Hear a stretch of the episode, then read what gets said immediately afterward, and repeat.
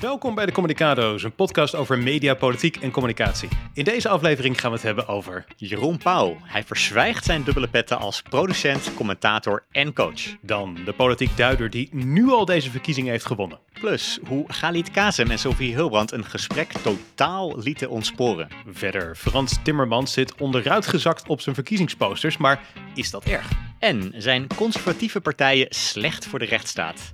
Als je deze podcast leuk vindt, klik dan op volgen en laat een recensie achter op Apple Podcasts. Laten we snel beginnen, want ook deze keer hebben we weer een hele leuke show.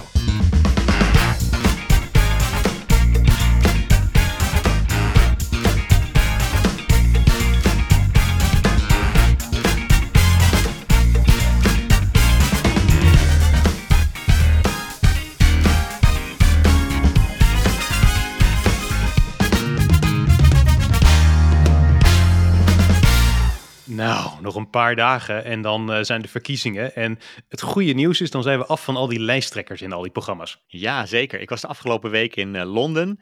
En stiekem was ik er ook wel blij mee dat ik iets van afstand kon nemen. Want ik was het op een gegeven moment ook wel zat, ja. Ik denk dat, eh, eh, dat, dat het nog best wel zou kunnen werken om als een soort van counter-programming te zeggen: in ons programma komt geen enkele lijsttrekker en we gaan het niet over politiek hebben. Ik, ik denk dat er nog best wel wat kijkers zijn die in zo'n laatste week, als het echt alleen maar over politiek gaat, dat die dat nog best wel interessant zouden ja vinden. gegarandeerd 100% lijsttrekkervrij. Ja, precies. Ja, nou ja, goed. En eh, niet elk programma scoort even goed met lijsttrekkers die daar te gast zijn. Maar het debat van Nederland, dat scoorde wel redelijk goed. Het programma op SBS6, het debat op SBS6, dat trok 1,4 miljoen kijkers. Daarmee is het wel eh, een van de best eh, bekeken tv-debatten tot eh, nu toe. En dat vond ik wel interessant. Het was een pittig debat. Ik vond het een interessant debat. Ja. Ik vond het een leuk debat. Maar ook wel een debat. Ik denk dat de leiding wel ietsje strakker hier en daar had kunnen zijn. Ik zag dat er eh, online in ieder geval heel veel over gesproken werd op een gegeven moment ook. Hè? Dus Ja, eh, het leidde wel tot, eh, tot buzz in de socials. Zeker, ja. Zeker, ja. ja. Nou, het interessante, het, het, het debat werd inderdaad veel besproken. Het, het kreeg uiteindelijk ook best wel veel complimenten. Maar wat we hier ook kunnen bespreken vandaag is dat de, de voorbereidingen bij dat debat allerminst soepel verliepen. Dat was eh, behoorlijk eh, heftig allemaal. En dat heeft te maken met het feit dat de voorbereidingen gepaard gingen met een flinke ruzie. Een ruzie tussen aan de ene kant de presentator Wilfred Gené en aan de andere kant de producent Jeroen Pauw van TVBV. Die heeft dit debat geproduceerd eh, voor Talpa. Hij is daarvoor ingehuurd. En ja, die twee mensen, eh, Wilfred Gené en Jeroen Pauw, die liggen met elkaar in de clinch.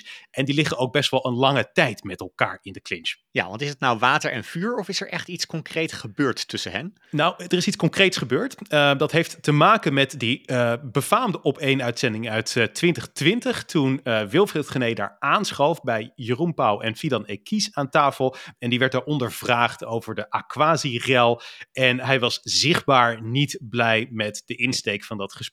Eh, dat was voor de kijker ook merkbaar. Eh, Wilfred Gené was daar woedend over. En eh, dat is de reden waarom tot op de dag van vandaag eh Fidan Ekies bijvoorbeeld nooit is, heeft aangeschoven in eh, Vandaag in Site. Hetzelfde geldt overigens voor Jeroen Pauw. Ook hij is nooit aangeschoven in Vandaag in. Eh, Wilfred Gené wil die twee gewoon simpelweg niet hebben in dat programma. Ze zijn wel aangeschoven in de Oranje Zomer. En dat ging eigenlijk ook best wel goed. Kijkers vonden dat best wel leuk. Maar Wilfred Gené wil ze daar niet hebben. Dus ja, Wilfred Gené was ook niet zo heel blij met het feit dat Talpa, dat John de Mol, uiteindelijk TVBV en Jeroen Pauw heeft ingehuurd om dat te produceren. Ja, en toch even, hè? want dit, dit was drie jaar geleden dat het misging. En nog steeds zit er dus oud zeer tussen die twee. Ja, er zit echt oud zeer. Er zit flink oud zeer, inderdaad. Ja, ja en dat komt ook eh, eens in de zoveel tijd weer tot uiting. Want eh, het was, eh, ik geloof, september dat Wilfred Gené Jeroen Pauw nog een zakkenvuller noemde in Vandaag in Site. Dus wat dat betreft is die ruzie gaande en gaande. Maar ik moet je heel eerlijk zeggen dat ik wel denk dat Wilfred Gené een punt heeft hier. Ik ben wel een klein beetje team Gené in deze. Want eigenlijk is het standpunt van eh, Wilfred, waarom hebben we Talpa, of waarom heeft Talpa eh, TV-BV van Jeroen Pauw eigenlijk ingehuurd? Want als je erover nadenkt, eh, Vandaag in Site wordt gewoon geproduceerd door Talpa zelf. Ehm, en dat is een heel succesvol programma. Het is gewoon een talkshow die ze zelf maken.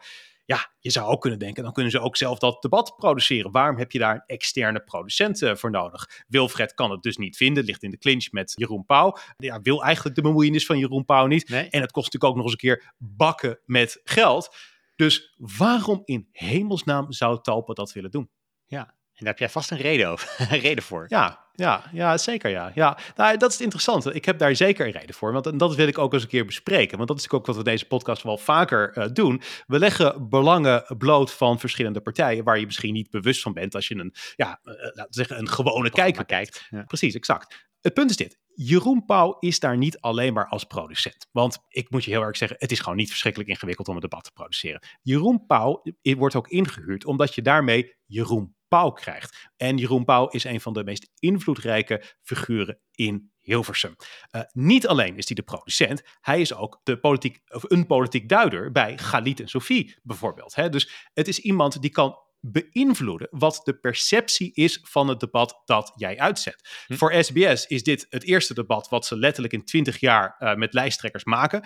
Het is heel belangrijk dat dit goed gaat. Je huurt Jeroen Pauw in, omdat je dan weet uiteindelijk dat dit debat dat het een grotere kans maakt om positief beoordeeld te worden door uh, de discussie uh, uh, na afloop. Omdat Jeroen Pauw die heel sterk kan beïnvloeden. Ja, dus door uh, Jeroen Pauw een paar programma's toe te schuiven, uh, koop je eigenlijk ook gewoon de solidariteit van een bekende tv-commentator ja. en een van de invloedrijkste mensen op het Mediapark. Ja, exact, exact. En ik, ik, wil nou gewoon eens even proberen uh, te duiden waarom Jeroen Pauw zo'n invloedrijk figuur is. Want ik denk dat de meeste mensen denken van ja, hij heeft Pauw gepresenteerd en hij schuift wel eens aan in talkshows. Maar waarom is hij nou zo'n invloedrijk figuur? Nou, ik wil even het optreden van Jeroen Pauw afgelopen dinsdag bij Galit en Sophie erbij pakken als een soort van casus. En ik wil gewoon eens even kijken naar de dubbele petten die hij heeft. Want ik moet je heel eerlijk zeggen, Jeroen Pauw is wereldkampioen dubbele petten dragen. Het is ongelooflijk hoeveel dubbele petten die man heeft. Eén voorbeeldje. Uh, afgelopen dinsdag uh, sprak hij lovende woorden over Mona Keizer, uh, de premierskandidaat van BBB.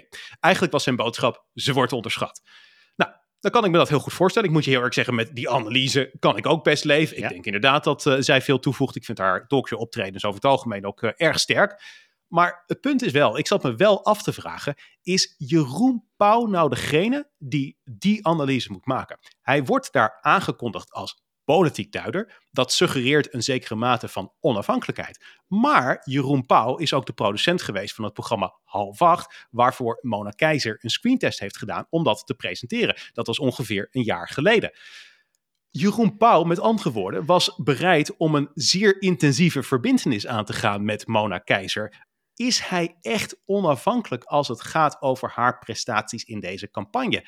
Een politiek duider staat normaal gesproken op afstand van het spel. Die ja. doet geen zaken met de mensen over wie die praat. Dat is de essentie van het zijn van een journalist. Hij wordt daar aangekondigd als politiek duider, terwijl hij in werkelijkheid zakelijke belangen heeft waar hij niet open en niet transparant over is. Ja, want dit is toch een beetje alsof uh, Frits Wester ergens gaat duiden en dan complimenten geeft aan een politicus, maar ja, eigenlijk ook een keer een handeltje heeft gehad met die politicus. Ja. Of in ieder geval ja, wel heel regelmatig met die politicus samen op vakantie gaat en misschien nog meer dingen met die politicus doet. Dit, dit, is, ja, dit is net iets te close. En je kan zelfs ja. zeggen van, kijk, Mona Keizer is niet de meest voor de hand liggende kandidaat om een programma te presenteren. Volgens mij heeft ze geen ervaring in het presenteren. Misschien is ze persoonlijk gescout door hem. Misschien heeft hij haar ook nog op het oog voor toekomstige programma's om die te doen.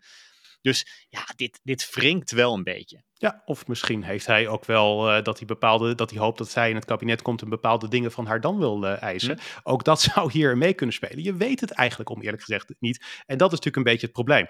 Dat is één ding. Maar hij zit daar verder dus ook als politiek uh, duider, zoals ik zei. En dat betekent dat hij commentaar aan het geven is op de verkiezingscampagne, waar zijn debat een hele prominente rol in speelt. En dan vraag je misschien af van, waarom maakt dat uit? Nou, dat maakt wel uh, degelijk uit, omdat hij subtiel de mening kan sturen over hoe belangrijk het door hem geproduceerde debat wordt geacht te zijn. Hij kan in theorie uh, het RTL-debat enorm afkraken. Hij kan ook daar heel veel promotie doen voor het SBS-debat wat hij produceert. Hij kan vragen opwerpen die worden beantwoord misschien in het SBS-debat. En waarom doet dit ertoe? Nou, dit betekent dus dat iemand uh, eigenlijk daar uh, zijn debat belangrijker kan maken. En daar heeft hij natuurlijk financieel gezien heel erg veel baat bij. Want als uh, iedereen denkt van het SBS-debat, dat is de plaats waar dit gebeurt, dan gaat iedereen daar naar kijken. En als hij als producent hogere kijkcijfers weet te genereren, krijgt hij in de toekomst een hogere fee. En dat is dus het probleem met Jeroen Pauw. Je weet niet waarom hij bepaalde uitspraken doet. Doet hij het omdat hij het echt gelooft? Of doet hij het omdat er een zakelijk belang achter zit? Die rollen worden niet goed gescheiden. Nee, en de kijker is er ook op geen enkele manier van op de hoogte. Want ik denk dat niemand die dit item bij Galit en Sophie keek, doorhad dat hij ook heel innig betrokken was bij de organisatie van het SBS-debat. Dus dat vind ik eigenlijk extra problematisch, dat die transparantie daar niet is voor de kijker. Ja, klopt. En uh, dan, dus, dus, dus we hebben nu inderdaad gezien, hij heeft een rol als politiek duider, hij heeft een uh, rol als uh, tv-producent, maar hij heeft ook een rol als coach van verschillende presentatoren. Nou, van een aantal presentatoren is bekend dat hij die rol heeft vervuld. We weten natuurlijk dat hij Eva Jinek in het verleden heeft gecoacht, Rutger Kastrium, dat is ook bekend gemaakt. Hij heeft ook Helene Hendricks gecoacht. En dit is een naam die nog niet eerder in de media is uh, geweest, maar wat wij uh, wel uh, inderdaad kunnen melden, is dat hij ook Galit Kazem heeft gecoacht. Een meerdere keren is Galit gesignaleerd op de vloer van TV BV, het bedrijf waar Jeroen nog steeds aan verbonden is. en hij heeft daar één op één sessies gehad met Pauw. Uh, Galit Kazem wordt dus gecoacht door Jeroen Pauw. En ook dit is wel weer een hele belangrijke in de context van het debat wat SBS6 heeft georganiseerd. Want hoe groot is de kans, denk jij, uh, dat Galit Kazem kritiek of commentaar gaat geven op het eh, SBS-debat dat geproduceerd is door zijn mentor Jeroen Pauw? Ik denk dat die kans natuurlijk nihil is. Niet alleen is hij daardoor misschien uh, een tafelgast kwijt, maar hij is ook zijn coach kwijt. En hij is ook nog zijn relatie kwijt met iemand die heel machtig is in de televisiewereld. Met andere woorden, dat doet hij niet. En dat is nou precies waar Talpa voor heeft betaald. Zij betalen Jeroen Pauw een hele grote som geld, omdat ze dan weten dat er heel veel mensen dat debat niet meer durven te bekritiseren. Ja, want je vertelde me eerder over uh, al die mensen die hij coacht. Hè? Dus uh, dan heb je ja. het inderdaad over Eva Jinek, Fidan Ekies, Rutger Kastricum, Helene Hendricks. Ik vroeg me ook wel af van waarom laten zij zich allemaal door hem uh-huh. coachen? Want is het nou echt iemand die als enige zulke goede tips kan geven op het gebied van interviewen, van presenteren? Is hij echt de ultieme presentatiegoeroe van Nederland? En ik, ik geloof echt wel dat hij inhoudelijk iets te melden heeft.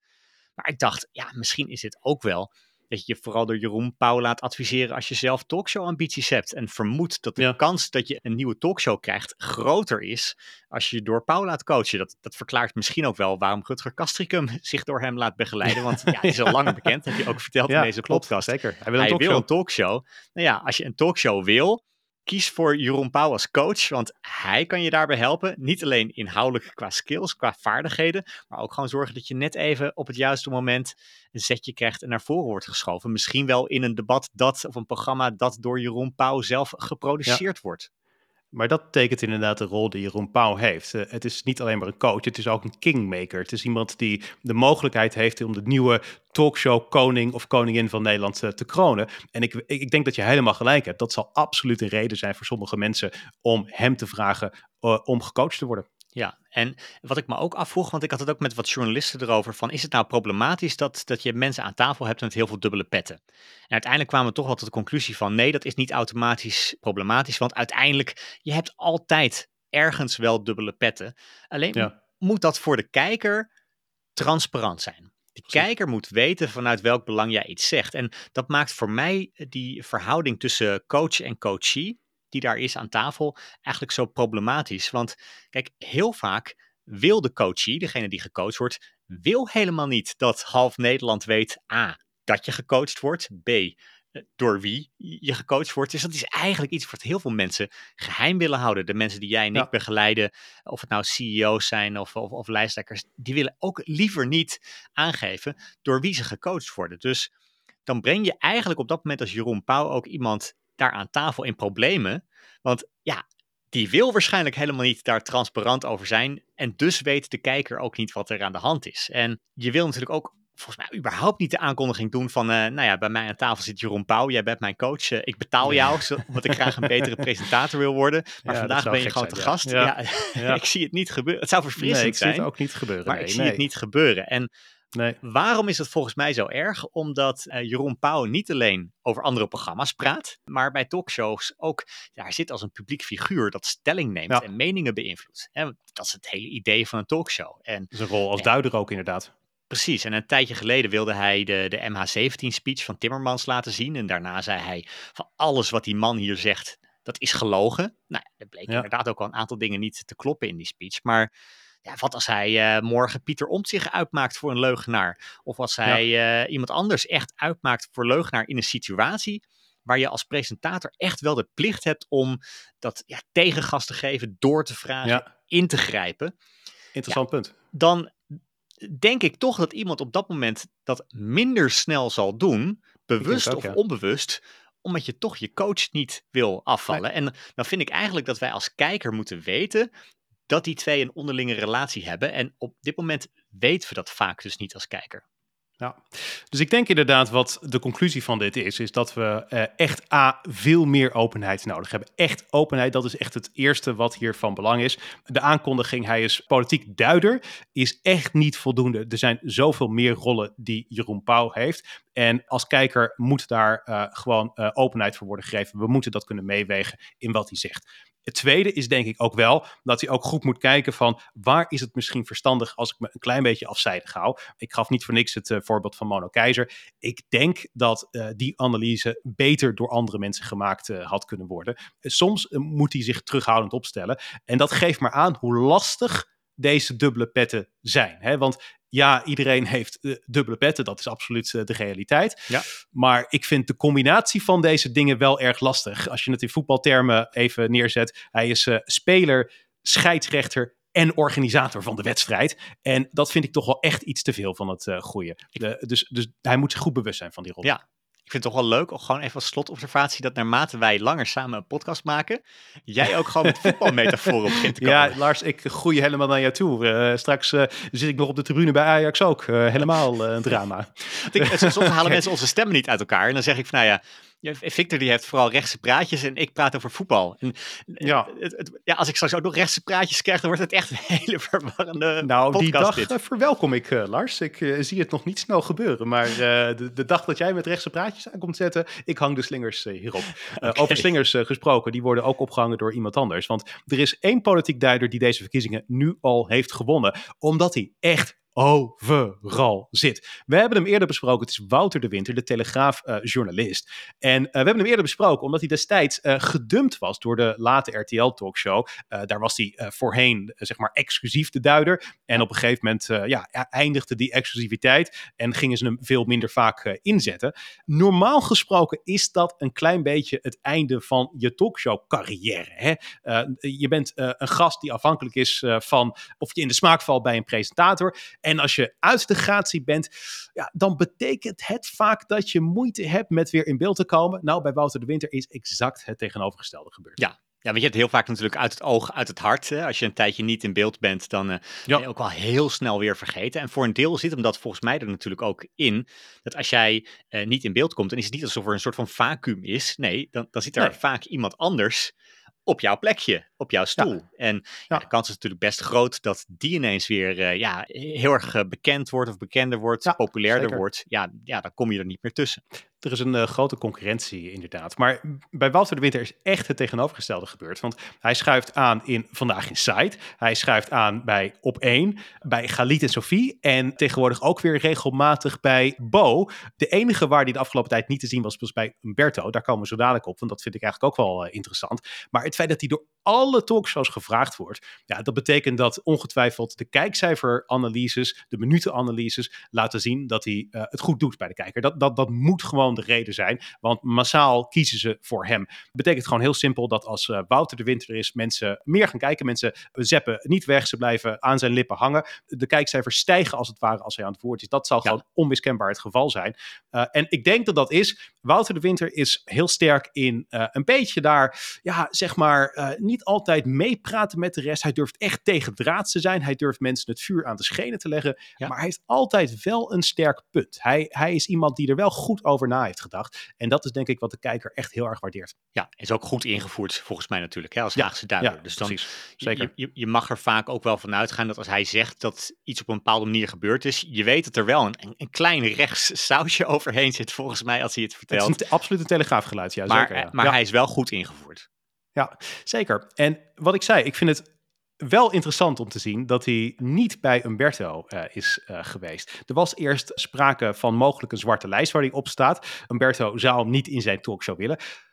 Umberto heeft meer een gezellige talkshow gemaakt. Wouter de Winter ja, is af en toe niet ja, echt gezellig. Het is iemand, wat ik zei, die af en toe tegen draads is. Hm. Ja, dat valt kennelijk niet in de smaak uh, bij Umberto. Maar ik moet je heel erg zeggen, ik denk dat het echt een ongelooflijk grote blunder is uh, van Umberto om uh, Wouter de Winter niet te vragen. Ik denk dat hij op dit moment gewoon de populairste journalist is. Ik denk dat ze er heel verstandig aan hadden gedaan om die, die man gewoon exclusief aan de laat RTL talkshow te verbinden. Ja, maar dat is nu dus niet zo. En dit laat volgens mij ook wel zien dat, dat talkshows een ander profiel op dit moment hebben. Hè? Want daar had jij Nou ja, over, precies. eh. Ja. Ja. ja. Nou, dat vind ik wel interessant. Het is gewoon even een klein beetje, een, inderdaad, een, een klein side note die ik in het draaiboek had uh, gezet. Want ik denk dat deze verkiezingsstrijd echt wel laat zien dat elke talkshow echt een ander profiel heeft. Een paar jaar geleden was het dat ze een beetje te veel op elkaar uh, begonnen te lijken. Maar dat is echt totaal niet meer het geval.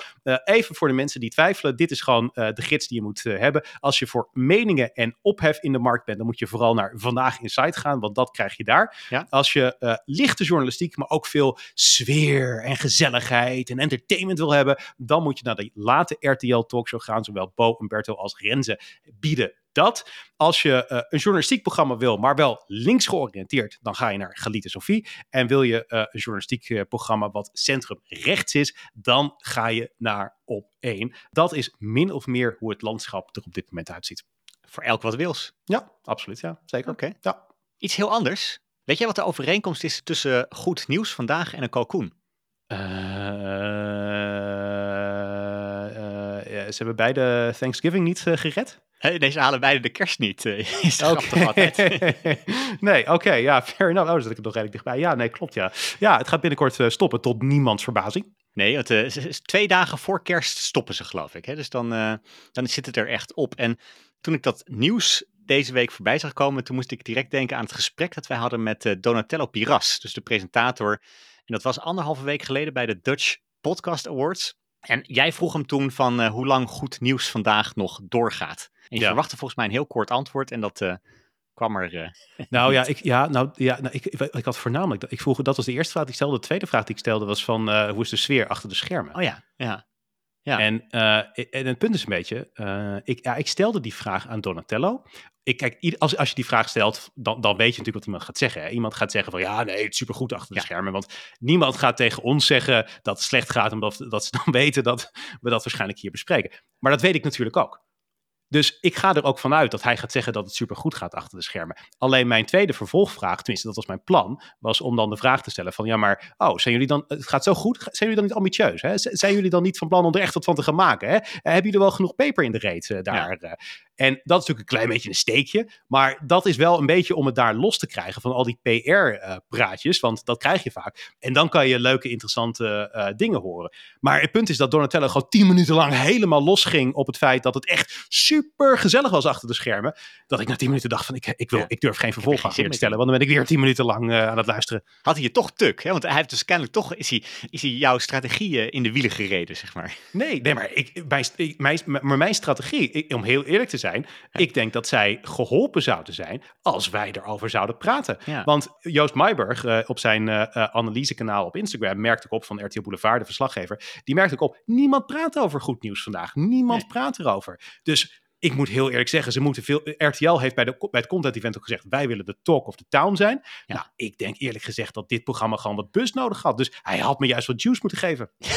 ja, nou, wat ik nog herinner van het gesprek is dat hij wel aangaf waarom hij dacht dat het beter zou gaan. En op zich, dat, dat wilde ik ook wel geloven, want wij hadden in de podcast grote kritiek op het feit dat je s'avonds op televisie zag wat drie weken eerder in de krant stond. En toen Ja. gaf Donatello aan van ja, dat was ook een beetje zo, dat gaf hij ook wel toe, dat was in de eerste weken was dat inderdaad zo, omdat organisaties met nieuws, goed nieuws vandaag nog niet wisten te vinden.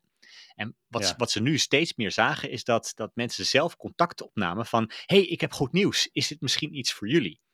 En toen dacht ik: ja, dat snap ik. Ik snap dat het dan makkelijker wordt als organisatie, maar ik dacht wel tegelijkertijd van dat heeft natuurlijk wel heel veel beperkingen. Want ja, als je echt heel groot nieuws hebt en je wil iets Brengen waar mensen het nog lang over hebben, ja, dan ga je niet naar het slechtst bekeken programma op de, op de avond. Hè? Dus dat, ook, ook daarmee krijg je niet groot nieuws. En wat ik ook nog vroeg is van waarom hebben jullie niet gewoon een tafel? En daar had hij wel een interessant eh, antwoord op.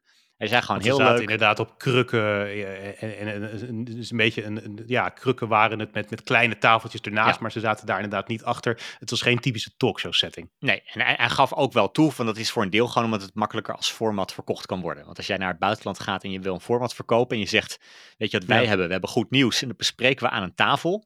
Dan wordt iedereen, eh, dan lacht iedereen je in je gezicht uit. Hè? Dus dat liet voor mij wel zien, en dat sluit wel aan bij jouw duiding eerder van het programma, dat hier commerciële belangen eigenlijk boven het belang van de kijker is geplaatst.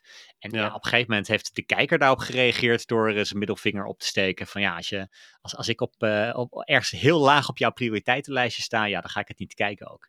Ik denk ook eh, dat het eh, aangeeft is dat eh, lineaire televisie steeds meer met actualiteiten doet. Omdat fictie eigenlijk volledig is verplaatst naar de streamingsdiensten. En omdat lineaire televisie zoveel doet met actualiteiten, ja, wil John de Mol dat ook formateren. Want dan kan hij inderdaad het geld verdienen om dat te gaan verkopen. Een standaard nieuwsprogramma kan je inderdaad niet makkelijk verkopen. Maar iets wat een klein beetje anders is, zoals Goed Nieuws Vandaag eventueel wel. Uiteraard gaat dat niet gebeuren, want het is natuurlijk gewoon geflopt. Dus ja, dan kan je het ook niet verkopen aan het buitenland. Ik vermoed dat er niemand interesse heeft. Maar dat was wel eh, de, de, de intentie inderdaad. Het is wel interessant dat we dat inderdaad eh, weten. Ik denk wel, tip voor Donatello. ehm, zorg dat je meer spraakmakend wordt. Ik denk als presentator, je moet ook de boer op. Je moet die programma's die je presenteert ook een beetje verkopen aan het eh, publiek. Dus ik zou hem aanraden om de volgende keer, nou ja, misschien eens te zorgen dat het allemaal wat meer spraakmakend is. Ja, praat eens met Jeroen Pauw, die kan dat wel. Dat is absoluut een goede tip, Lars. ja, die kan dat zeker inderdaad, ja. Oké, laten we het eh, hebben over onze favoriete talkshow, namelijk eh Galit en Sophie. Eh, deze week liep het volledig uit de hand. Jij hebt het geanalyseerd, Lars, want Ja. Laurens Das en Stefan van Baarle, die zaten daar aan tafel, twee lijsttrekkers dus van Volt en van Denk. Ik zal eerst even het fragmentje laten horen, zodat mensen ook even een korte indruk krijgen van hoe het er daar aan toe ging. Met Maar de het gaat toch om- regenboog. Het gaat toch om individuele vrijheid. Nee, Nee, maar ik het vind het prima. De aanvoerder van, van Feyenoord Waarom- heeft volkomen dat mensen- ding niet omgedaan. Meneer Van niet meneer. Van helemaal met één- meneer Van Maar Baarle. niemand waar alsof het sta- hele waar ik voor land sta- iedereen Scheidsrechter hier even eens. Meneer Van Baarle. Waar ik voor sta is Het is gewoon waar totale waar onzin wat waar u ik voor beweert. sta is de Het is een acceptatie. meneer- Van Baarle, probleem. Waar ik voor sta is de acceptatie van iedereen. Mijn moeder is nu Even wachten. Even jongens, want meneer Het is dus niet Das, acceptatie hallo. van iedereen. Ik heb een aspirintje nodig. En ik wil er echt even bij zeggen: dit is dus niet geëdit. Hè? Dit is gewoon letterlijk uit de uitzending gehaald. Wij Ja. hebben er niks aan veranderd. Dit is zoals het op televisie te horen was. Ik vond het echt ongelooflijk. ik, nou, ik, ik dacht ook van, ja, ik kan vertellen dat het een chaos was. Maar volgens mij moeten we gewoon een halve minuut uitzenden tijdens de podcast. Voordat Ja. mensen geloven hoe erg het was. Want ja, dit, dit heeft toch niks meer met eh, een fatsoenlijke talkshow te maken. En het meest pijnlijke was ook, dat echt tot zes keer toe probeerden Ja. Galit en Sophie dit in banen te leiden. Maar het lukte ze gewoon niet. En wat me Maar interessant dit is leek toch gewoon vandaag... incompetente gespreksleiding? Ja, nou, het, het leek me inderdaad interessant om vandaag te kijken van waarom lukte hen dat niet en, en wat deden ze eigenlijk fout? Maar deze mensen zitten daar dus om dat gesprek eh, in goede banen te leiden. Dit gebeurt er. Dan denk ik Ja. toch bij mezelf: deze mensen zijn niet goed in, in, in het werk te verrichten waarvoor ze zijn ingehuurd. Ja, en normaal gesproken doen ze het in een eentje. Dan zitten ze nu met z'n tweeën aan tafel en zelfs dan lukt Zelfs dan lukt het niet. nee. Nee, wat ik misschien wel het meest gênante moment vond, los van die chaos, is dat uiteindelijk lukte ze het ook niet om het weer recht te trekken. En was daar een tafelgast voor nodig, eh, politiek verslaggever van de NOS, eh, Marleen de Roy, die zat aan tafel. En eh, ja, laten we even luisteren wat, wat zij op een gegeven moment deed. Hallo, meneer Zeker wel, Ah. Jongens, er zit een gespreksleider. Jongens, Raoul. Gespreksleider. Ja, Raoul, ik probeer het, maar het is heel lastig met jullie. Oké, jongens, er zit een gespreksleider. Ik ga even ingrijpen. En die interventie van een gast aan tafel was nodig om dit gesprek weer op de rails te krijgen. Ja, het is toch een beetje alsof eh, een politieagent op straat te vergeefs probeert te in te grijpen bij een verhitte discussie, volstrekt genegeerd wordt en een 90-jarige oma vanuit haar scootmobiel op een gegeven moment op haar vingers fluit en eh, schreeuwt: Jongens, er staat daar een politieagent! Laten we naar hem luisteren. ja. ja, dat is wel. Ja, dat is inderdaad eh, waar het op lijkt. Ja. ja. Maar als je dat hele gesprek eh, terugluistert, dan zie je dat het eigenlijk veel eerder misging. Eigenlijk ging het al in de eerste twee Ja. minuten van het gesprek mis. Want Dat is wel vaker eigenlijk. Hè? Want ik denk als wij wel eens een keer mensen die eh, voorzitter zijn tijdens een vergadering trainen. En dan komen ze soms met voorbeelden aan waar het misging. Meestal gaat het niet mis op het moment waarop je ziet dat het misging. Maar dan heb je al een aantal dingen verkeerd gedaan in de aanloop daar naartoe. Klopt. Dat, dat, dat is ook als ik analyses lees van Pieter Zwart. Hij kwam hier eerder voorbij van uh, Voetbal International. Jij, jij, begon over voetbal, Victor. Dan, dan zegt hij ook en schrijft hij ook dat heel veel mensen kijken naar de keeper die dan een bal doorlaat. Maar hij laat dan zien dat het ja. eigenlijk vijf stappen daarvoor al uh, misging. Ik heb inmiddels maar, helemaal spijt dat ik ooit over voetbal ben begonnen. Uh, dit, dit, dit voedt jou alleen maar, Lars. Dit vind ik echt een drama. Oké, okay, maar Ga door. wat gebeurde er tijdens het gesprek? Want Volt wil dat religieus onderwijs niet langer met belastinggeld wordt gefinancierd.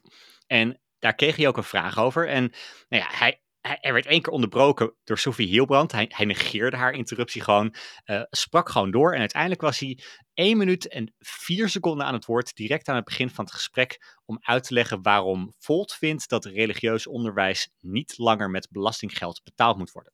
En tegenover hem zat Stefan van Baarle uh, van, uh, van, van Denk. En hij werd gevraagd om daarop te reageren. Laten we even kijken wat er toen gebeurde. Na 1 minuut en 4 seconden Laurens Dassen dus. Ik vind het zo jammer dat uh, religieus onderwijs in Nederland met zoveel wantrouwen wordt bejegend. Ja, het is, geen is het wantrouwen? Mensen... Nee, het is helemaal geen wantrouwen. Alleen, Jawel. ik vind dat uh, we onderwijs juist een plek moeten hebben... waar iedereen zich welkom voelt. Ja, dat is, uh, en, dat is het ook. Nou, kijk, kijk op het moment... Ik, ik heb zelf vind... op een katholieke basisschool gezeten. En wij begonnen elke ochtend met wees gegroet... En ja, even tot, uh, tot hier. Binnen zes seconden wordt Stefan van Baarle dus het woord ontnomen door uh, Laurens Dassen. En ja, volgens mij creëer je zo ook gewoon frustratie bij gasten. Want ja. beide gespreksleiders zitten erbij, ze kijken ernaar. En ik zou het echt niet fijn gevonden om hier uh, Stefan van Baarle te zijn. Want ja, jij wil nee. ook gewoon je punt maken. Creëert Wat gebeurt er? bij de sprekers als, als je ja, gewoon je punt eigenlijk niet kunt maken. Dan ga je op een gegeven moment ook gewoon inderdaad de gespreksleiders maar negeren. Want ja, ja je wil wel je punt kunnen maken de verkiezingen komen eraan. Ja, klopt. En vervolgens daarnaast spreekt Laurens Dassen ook een aantal keer door Stefan van Baarle heen. Niemand grijpt in. Dan praat mezzo-sopraan Tanja Cross, die zit aan tafel, ineens ook door iedereen heen. Niemand doet wat. Ja, en ja, op een gegeven moment moet je dan ook niet gek opkijken als, als, als host, als, als gespreksleider, als presentator, dat, dat, dat niemand je nog serieus neemt. En nee. dat doet me heel erg denken aan, uh, je had het net uh, voorzitterstrainingen uh, bijvoorbeeld die wij geven, maar ik moest heel erg denken ja. aan een college dat we beide hebben gevolgd van Björn Kuipers. Dat is een van de -huh. bekendste voetbalscheidsrechters van, uh, van Nederland. Maar die, okay, ik heb het nu al meer, veel meer spijt van deze voetbalanalyse. ik heb jou veel te veel aangemoedigd. Zo werken mijn hersenen, Victor. Ja, dat merk ik. Ja. Begint, ik heb, ga ik ga ik gewoon de hele podcast over Ik heb spijt, ik neem het allemaal terug. maar die, die legde ook uit dat als scheidsrechter moet je gewoon de eerste minuten van een wedstrijd moet je net wat strikter zijn dan anders. Want als je ja. bijvoorbeeld iemand na 20 seconden een overtreding maakt die een gele kaart is, dan moet je hem ook geven. Want als je hem in de eerste 20 seconden dan niet geeft, omdat je denkt van ja, is toch een beetje de eerste, eerste minuut van de wedstrijd. Ja. Dan ga je zien dat het later in de wedstrijd gaat ontsporen. Terwijl als je in het begin net wat strikter erop zit, ja, dan weten mensen op een gegeven moment ook wel wat de bedoeling is tijdens het gesprek. Dus als, als dingen gebeuren die niet eerlijk zijn, dan moet je er gewoon in het begin van zo'n gesprek ook wel bovenop zitten als gespreksleider. Dus eigenlijk wat uh, Galit en Sofie hier verkeerd hebben gedaan, zeg jij, is dat zij te veel uh, hebben afgewacht met ingrijpen. Ja. En dat ze daardoor de controle over het gesprek zijn kwijtgeraakt. En dat ze dus eigenlijk gewoon ja, genegeerd werden door de deelnemers aan het gesprek, ja. de lijsttrekkers aan tafel. Precies. En als je de eerste acht keer niet uh, reageert als je genegeerd wordt.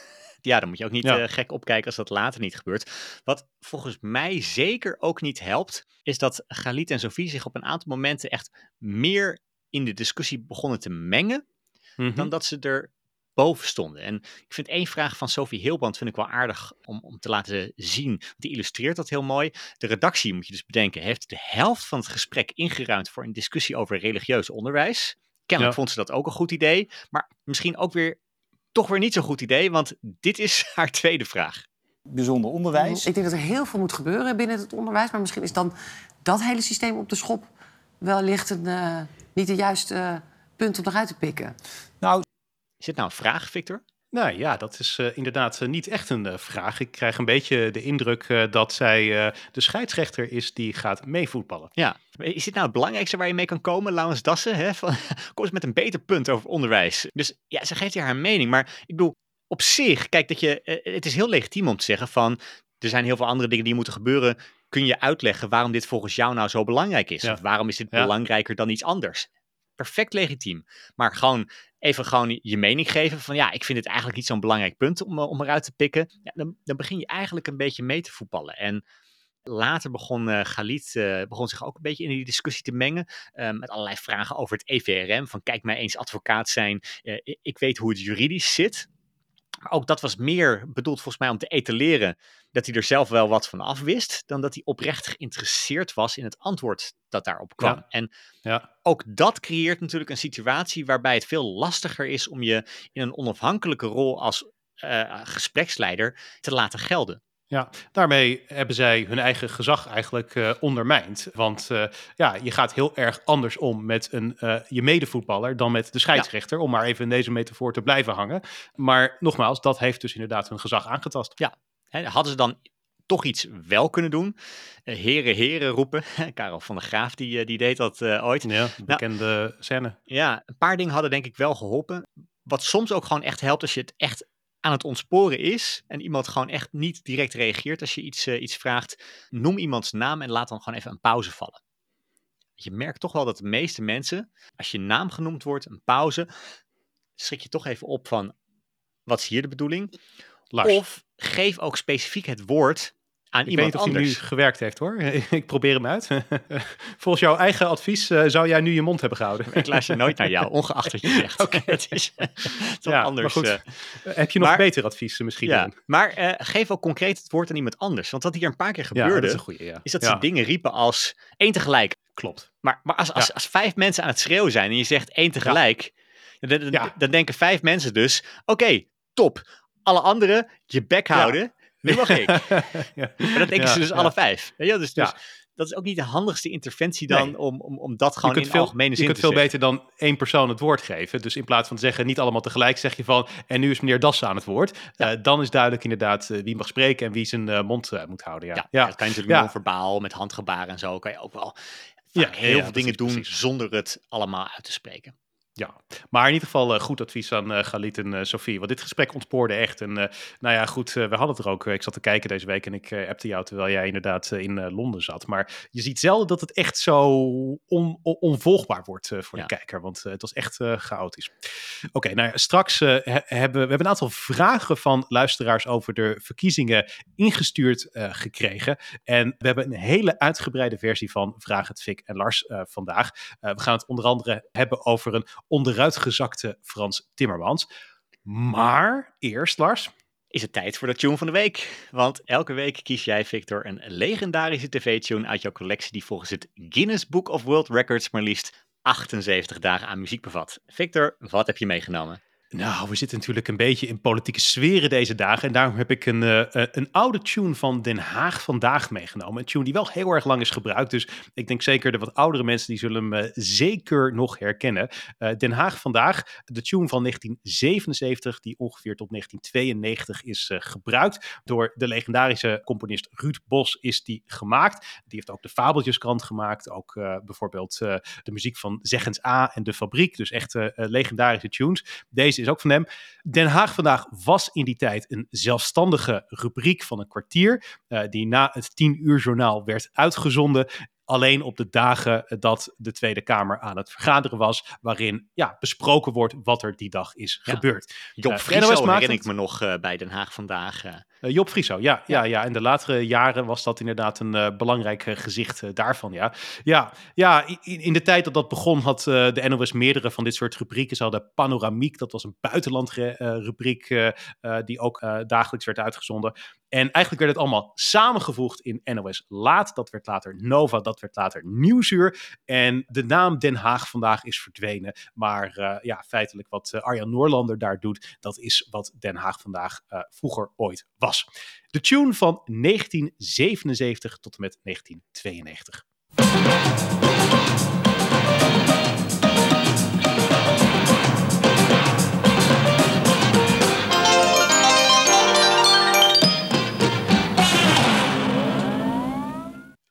Korte. een uh, korte, ja. ja, zeker ja. Ja, maar Helemaal goed. Ja, mooi tune. Lekker veel energie. En uh, laten we die vasthouden en doorgaan naar de vragenrubriek. Want ja, we konden het net al aan.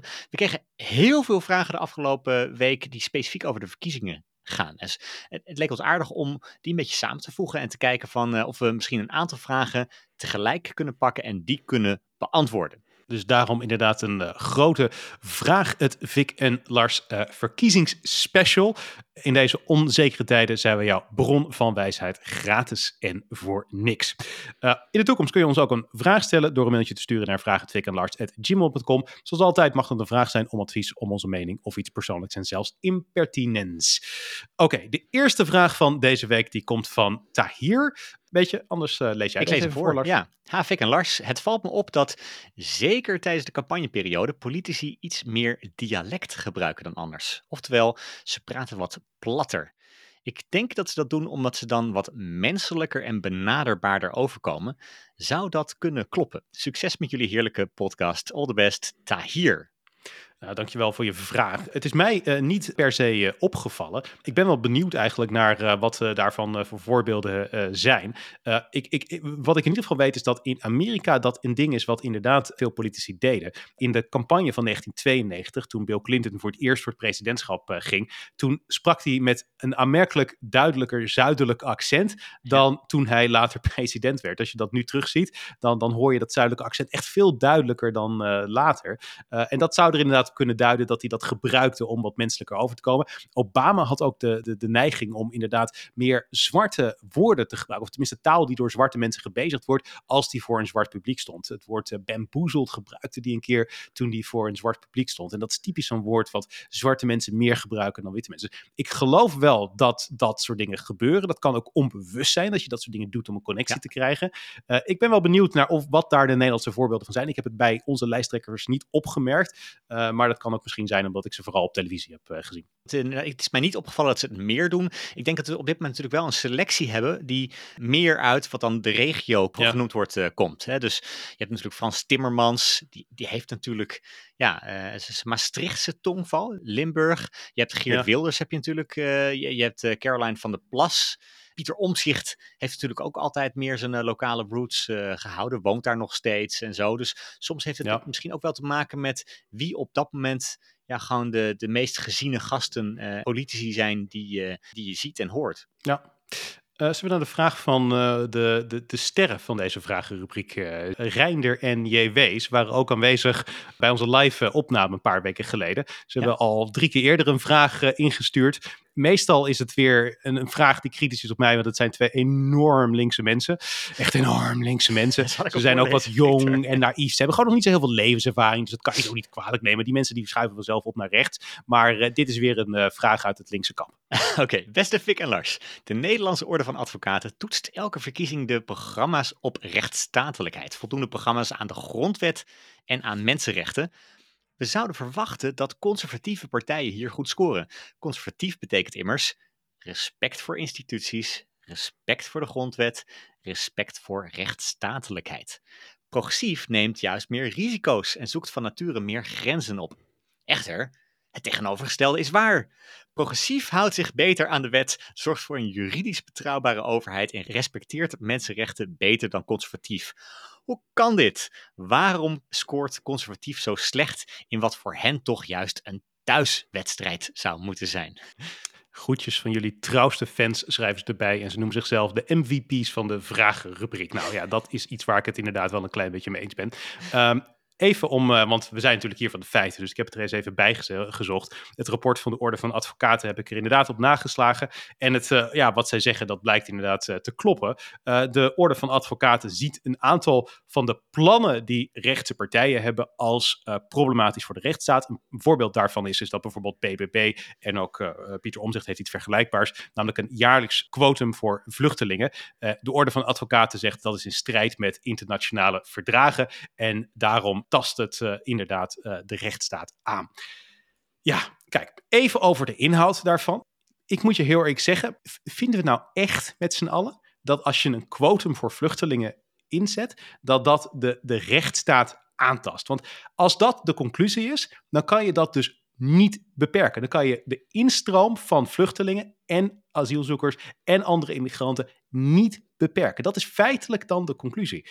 En ik zie het zo. Je hebt twee uh, dingen die je altijd tegen elkaar moet afwegen. We hebben in Nederland een democratische rechtsstaat. Maar uh, de rechtsstaat is soms een beperking op de democratie. Hè? Dus uh, er is geen tirannie van de meerderheid omdat je ja. minderheidsrechten wil respecteren. Maar de democratie is in zekere zin ook een beperking op de rechtsstaat. Soms wil heel graag het volk iets. En waar een wil is, is uiteindelijk een weg. Dan moet er uiteindelijk een weg gevonden worden. Uh, want het is heel belangrijk dat de overheid draagvlak blijft behouden. Dus die twee moet je altijd tegen elkaar afwegen. Ik denk eerlijk gezegd hier dat er niet zoiets is als een perfecte rechtsstaat. Maar um, ik denk wel dat er een uh, duidelijke wens is van ja, zeg maar, de mensen om dit in te perken. Ik denk ook dat, het, dat er goede logische argumenten voor zijn. Ik begrijp dat. En ik vind dat dit soort organisaties, zoals de advocaten, de Orde van Advocaten, een hele technocratisch, een hele smalle blik vaak hebben. Ze kijken alleen maar naar hun expertise.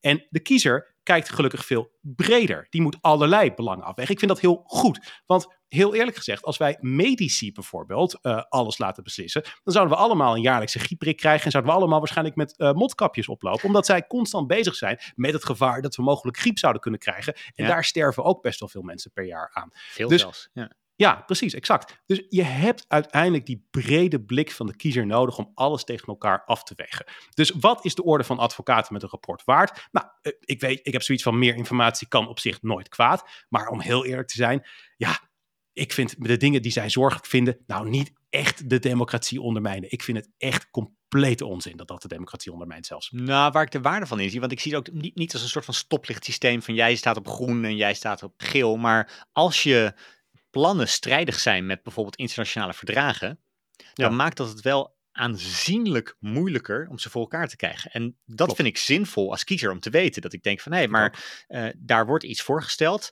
wat wel ontzettend lastig is om voor elkaar te krijgen. Betekent niet dat het onmogelijk is. Maar nee, het helpt mij als kiezer in ieder geval om te, om te zien van, ja, nou, sommige dingen zijn realistischer dan andere. Ja, eens. Maar daar, daar ben ik het helemaal mee eens. Dus dat, dat vind ik een, een uitstekend punt. Ik denk dat je die, uh, die informatie wil hebben als kiezer. Maar om dit uh, vluchtelingenvoorbeeld nog eens aan te halen. De definitie van een vluchteling is de afgelopen jaren gewoon heel erg sterk opgerekt. Dus het VN-vluchtelingenverdrag is, uh, verdrag is getekend in 1951. en er zijn heel veel mensen die tegenwoordig als vluchteling worden beschouwd. Die toen der tijd nooit zo zouden zijn gezien. En dat betekent dat we te maken hebben met een best wel grote instroom van vluchtelingen. En ja, dat dat opgerekt is door de jurisprudentie, dat is één ding. Maar dat je daar dan niks aan zou kunnen doen. Dat alles wat je daaraan doet een soort van aantasting is van de rechtsstaat, omdat dat nou eenmaal het verdrag is. Ja, dat vind ik waanzin. En om dan even concreet terug te komen op de vraag van uh, onze uh, uh, zeer linkse en zeer, ja, laat ik het nog maar een keer zeggen, klein beetje naïeve vrienden. Maar waarom rechtse partijen vaker, ja, zeg maar, dingen doen die, die, die de rechtsstaat zouden ondermijnen volgens de orde van advocaten. Ik denk dat dat vooral komt omdat heel veel linkse partijen, ze willen best wel grote veranderingen en dergelijke. Dat geloof ik op zich wel. Ik denk dat bij één hele grote veranderingen wil. Maar dat zijn allemaal veranderingen die in het progressief liberalisme uh, vallen, wat op dit moment de dominante ideologie is. Waar rechtse partijen zoals BBB en ook in zekere zin wel Pieter Omtzigt voor strijden, is een ander denk Die willen wezenlijke veranderingen. En technocratische organisaties die zitten altijd gevangen in de huidige denkkaders. Dus vandaar dat zij heel veel dingen zien als een gevaar. Terwijl om heel eerlijk te zijn, jongens, dat is het gewoon allemaal niet. Waarom willen ze een weg? We kunnen het wel cheffen met z'n allen. ja, het is, ik, vind het wel een beetje een naïeve manier om daar tegenaan te kijken. Want ik, ik, zie juist dat partijen als Bijeen en de Partij voor de Dieren dingen bepleiten die we nog nooit eerder hebben gedaan. radicaal nieuwe ideeën of een basisinkomen, dat soort dingen worden ineens uh, bepleit. Terwijl uh, heel veel conservatieve partijen vooral terug willen naar hoe het 30 jaar geleden was. Nou, dat zou niet per definitie in strijd moeten zijn met de rechtsstaat. Tenzij je dus misschien heel veel mensen daarvoor onder de, onder de bus wil gooien. Goed dat er partijen zijn die dat in ieder geval signaleren dat je dat doet. Nou, jij mag in ieder geval het uh, laatste woord hebben in uh, deze discussie, want we gaan naar de volgende vraag. En die komt van, nou, we, waarderen alle luisteraars.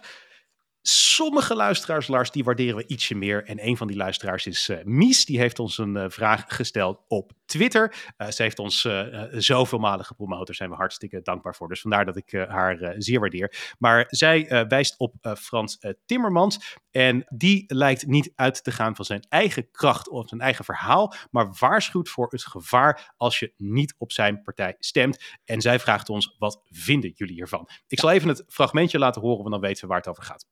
Ik was wel blij met het feit dat hij zei dat hij niet met Wilders wil regeren. Dat, dat scheelt alweer. Dat wil de VVD wel. Um, um, maar toch, uh, hè, als, ik hem, als ik hem vraag. Um, uh, help je me om het minimumloon te verhogen? Dat geeft hij niet thuis. Als ik hem vraag, zullen we samen kinderopvang helemaal gratis maken? Geeft hij niet thuis. Ja, oké. Okay. Ik, ik heb Wat het hele fragment gekeken en heel eerlijk, uh, Mies, ik heb hier niet zo'n probleem mee. Want verkiezingen gaan om keuzes.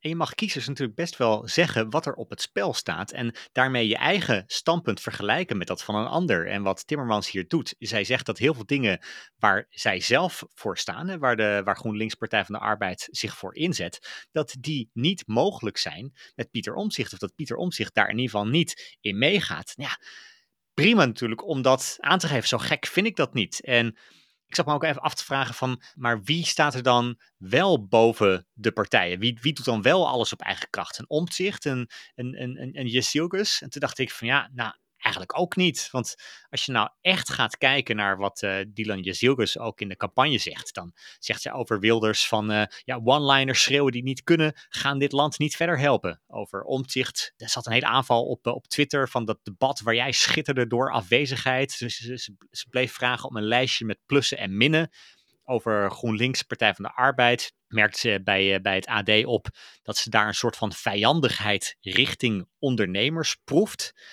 En wat mij heel vaak opvalt, is dat mensen eigenlijk vooral een probleem mee hebben als iemand dat doet. Als het gezegd wordt door een politicus waar ze het niet mee eens zijn. Of als hun eigen favoriete partij wordt aangevallen. Ik denk, ja, kom op, het zijn verkiezingen. Vergelijk hoe jij erin staat. Eh, maak duidelijk wat er te kiezen valt. En dat je dan af en toe ook uitlegt dat jij vindt dat je tegenstander iets niet goed ziet of iets niet goed doet. Ja, dat hoort er wel bij bij verkiezingen. Ik vraag me af of het uh, strategisch is wat Timmermans uh, doet. Want je zou kunnen concluderen dat de campagne van uh, GroenLinks PvdA uh, niet lekker is gelopen. Ze zijn feitelijk alleen maar gedaald in de peilingen. er kan natuurlijk nog van alles gebeuren, maar zoals het er nu voor staat, ziet het er niet goed uit voor Frans Timmermans. En dat zou een reden kunnen zijn waarom uh, Frans Timmermans niet afsluit van ga naar de stembus en stem op GroenLinks PvdA, want dan krijgen we X, Y en Z. Dat zou zijn kernboodschap kunnen zijn. Ja. Maar dat hij zich realiseert, dit is uiteindelijk iets wat niet aanslaat. Ik ga op het laatste moment, maar vooral waarschuwen voor de ander, een soort van doembeeld schetsen van als recht aan de macht komt, dan gebeuren er al deze vreselijke dingen. En dus eigenlijk dat het een strategie geboren uit zwakte is in plaats van uit kracht. En dat is meestal niet sterk. Daar heb ik wel inhoudelijk dan weer een probleem mee. Want ik, ik denk dat dit wel heel goed laat zien waar de campagne tot nu toe gefaald heeft. Overigens. Want als je nu kijkt en, en de, de, het gemiddelde van de peilingen vergelijkt met de vorige Tweede Kamerverkiezingen. Dan zie je dat GroenLinks Partij van de Arbeid acht zetels meer heeft mm -hmm. dan de vorige verkiezingen. En bijvoorbeeld de VVD zeven tot acht zetels minder. Dus als je heel objectief zou kijken van hoe staan de partijen ervoor, dan zou je eigenlijk gewoon moeten zeggen van ja, eh, eh, kennelijk geldt bij eh, GroenLinks Partij van de Arbeid op dit moment toch wel dat 1 plus 1 is 3. Ze staan er veel beter voor samen dan de vorige keer. En de VVD staat op groot verlies. Alleen is dat dus niet het beeld wat je steeds hoort. En ik, ik denk dat dat misschien wel een van de grootste problemen deze campagne is, dat GroenLinks Partij van de Arbeid er niet in slaagt om dat beeld neer te zetten, dat zij het ja. nu gewoon ook in de peilingen veel beter doen dan de vorige verkiezingen. Ze, ze, ze zijn 50% gewoon omdat, groter. Ja, maar, maar aan de andere kant, uh, rechts uh, lijkt, uh, even, laten we zeggen, het rechtse blok lijkt op een gigantische overwinning af te stevenen. Laten we even omzicht als rechts beschouwen, VVD ook, Wilders, BBB. Ja, daarmee heb je feitelijk al gewoon, zoals het er nu uitziet, een meerderheid in de Tweede Kamer. Ja. het rechtse blok is deze verkiezingen kei en keihard aan het winnen. Dus ja, misschien leuk dat ze een paar extra zeteltjes erbij hebben bij GroenLinks en de PvdA. Maar daar heb je natuurlijk niet zo vreselijk veel aan nee, als, maar als, je, als, als een meerderheid heeft. Maar als een partij 50% meer zetels heeft in de peilingen dan ze op dit moment in de Tweede Kamer hebben, dan zou je verwachten ja. dat er in ieder geval over die partij, los van het hele sentiment over rechts, hè, maar er over die partij een veel positiever sentiment zou zijn. En dan, als, als maar dan even, beeld maar even het tegenovergestelde daarvan, want de, de rechtse partijen zijn redelijk uh, gefragmenteerd, uh, zou je kunnen zeggen. Ja. Ze zijn verdeeld over de VVD, Omtzigt, uh, BBB, PVV. er is één hele grote linkse partij, die weet niet op te boksen tegen die vier andere partijen. Je zou dat ook kunnen zien als misschien een zwaktebod. Hè? Ik bedoel, ik, ik, ik bedoel, je kunt het op meerdere manieren bekijken. Ja. Ik probeer alleen even eh, daar iets tegenover te zetten. Ik, ik, ik weet niet of ik het echt een prestatie vind van de mensen van GroenLinks Ja. eh, PvdA. Ik denk dat ze echt een belabberde campagne hebben ingezet. En eh, het feit dat Wilders over wachtgeld begon, wat natuurlijk al aan het begin van de campagne, zoals wij ook besproken hebben, terugkwam. Ik denk dat Timmer Frans, om het maar even zo te zeggen, niet de gedroomde lijsttrekker was. We gaan het eh, zien, want er kan ook in de laatste week nog echt wel veel gebeuren. Dus ik, ik, zou- ik zou niet te snel nu al eh, afschrijven, want ook de komende week kan er echt nog wel veel veranderen, Victor. Dus eh, nog, even, nog even niet je kruid verschieten, zou ik zeggen. Oké, goed. Dan gaan we naar de laatste vraag. Die komt van Noah. Beste Vic en Lars, schrijft zij. Afgelopen week bespraken jullie de online advertenties van politieke partijen. Nu ben ik benieuwd hoe jullie kijken naar de offline advertentie die ik gisteren in een bushokje zag. Het gaat om de advertentie van PvdA GroenLinks. Frans Timmermans staat hier groot op met de tekst kies voor visie en daadkracht. Timmermans hangt voorover met licht ingezakte schouders en zijn handen over elkaar. De conclusie die mijn vriend en ik trokken is dat hij van alles uitstraalt, zoals zachtaardigheid of senioriteit, maar absoluut geen daadkracht. Terwijl dat wel de belofte is die de tekst uit. Is dit een campagneblunder van PvdA GroenLinks of maakt het in de praktijk niet uit dat de tekst en foto totaal niet matchen? Ik ben benieuwd hoe jullie hier met jullie communicatiebril naar kijken. Goed, Noah. Nou ja, deze poster komt zo massaal terug. Eh, alle bushokjes in mijn wijk die hangen er vol mee. Ik kwam op Amsterdam Oh ja? Centraal aan, eh, terug uit Londen.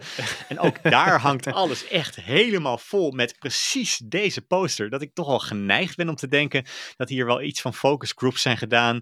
eh, om te kijken mij, hoe de achterban erop reageert. Bij mij hangt het vol met posters van Joost de Eertmans. Ik heb geen idee wat dat zegt, maar ik heb nog geen poster van Frans Timmermans gezien Ja, hier. Volgens mij, welke posters je ziet, bepaalt ook wel gewoon welke, welke wijk je woont. Maar ehm, wat mij opvalt, hè, van, eh, ik ben het wel eens met de observatie dat Timmermans hier weinig daadkracht uitstraalt. Een beetje scheef onderuit ge- gezakt. Overigens kijkt hij wel recht de lens in. Dus dat, dat, dat vind ik dan nog wel iets eh, van, van krachten uitstralen. Kijk, volgens mij is bij beeld het belangrijkste is het eerste gevoel wat je krijgt. Eh, los van die tekst die erbij staat. En eh, ik, ik denk, ik val meer in de doelgroep dan jij, eh, Victor. Maar bij mij kwam het juist. Het eerste beeld was toch iets van sympathie en Mhm. vertrouwen. En, en misschien ook wel niet zo arrogant als hij soms ook wel overkomt.